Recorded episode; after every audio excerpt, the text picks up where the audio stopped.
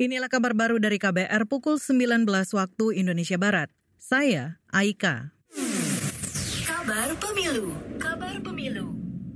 Majelis Tinggi Partai Demokrat menduga ada dalang di balik kegagalan duet Anies Baswedan dan Agus Harimurti Yudhoyono di Pilpres 2024. Ketua Majelis Tinggi Partai Demokrat Susilo Bambang Yudhoyono menginstruksikan para kadernya bersikap tenang merespon pengkhianatan yang dilakukan Partai Nasdem dan Anies Baswedan di Koalisi Perubahan. Hal itu disampaikan SBY dalam rapat Majelis Tinggi Partai yang digelar untuk menanggapi munculnya duet Anies dan Muhaimin Iskandar semua gerakan, manuver, proses politik yang seperti ini penuh dengan hingar-bingar, yang berkaitan dengan koalisi dan pasangan capres dan cawapres, katanya ada mastermind-nya. Saya tidak tahu siapa. Katanya ada dalangnya. Ada persekongkolan untuk mengeksekusinya, untuk menjalankannya. Informasi. Sebelumnya, Ketua Umum Partai Nasdem Surya Paloh menetapkan Ketua Umum PKB Mohaimin Iskandar sebagai cawapres Anies Baswedan. Demokrat menyebut keputusan itu ditetapkan sepihak bukan oleh koalisi. Anies diklaim menyetujui kerjasama politik antara Nasdem dan Partai Kebangkitan Bangsa PKB. Padahal selama ini Demokrat, Nasdem, dan Partai Keadilan Sejahtera PKS sepakat membangun koalisi perubahan pada Maret lalu.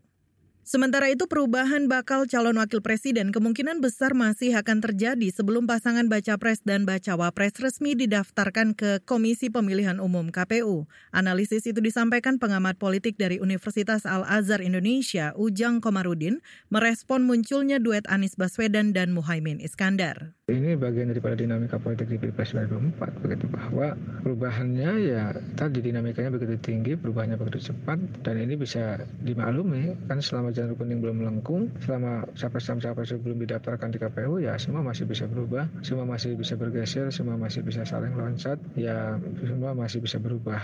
Karena haluan nah, dalam pergerakan dalam peta koalisi. Pengamat politik dari Universitas Al-Azhar Indonesia Ujang Komarudin memprediksi akan terbentuk tiga poros usai Anies menggandeng Caimin. Menurutnya Demokrat akan masuk di antara tiga poros itu. Ujang memperkirakan ada kemungkinan keputusan Anies menggandeng Caimin adalah hasil kerjasama Surya Paloh sebagai pemimpin Nasdem dengan Joko Widodo tanpa berkomunikasi dengan Demokrat dan PKS. Kita beralih ke informasi lain. Suhu planet bumi yang memanas memicu peningkatan kasus penyakit demam berdarah denggi di dunia, termasuk Indonesia. Salah satunya di Jawa Barat. Berdasarkan data dari Dinas Kesehatan Jawa Barat hingga pertengahan Agustus 2023, jumlah kasus penyakit demam berdarah mencapai lebih 10 ribu.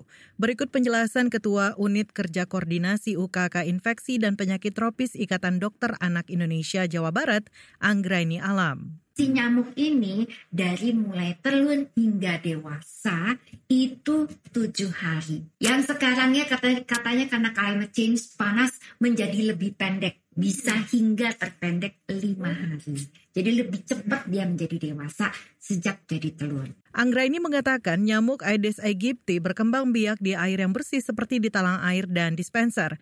Karena itu seluruh daerah rawan bertelurnya nyamuk harus segera disingkirkan. Saudara, pada tahun lalu tercatat angka kematian akibat demam berdarah mencapai 300-an pasien di Jawa Barat. Inilah kabar baru dari KBR pukul 19 waktu Indonesia Barat. Saya Aika.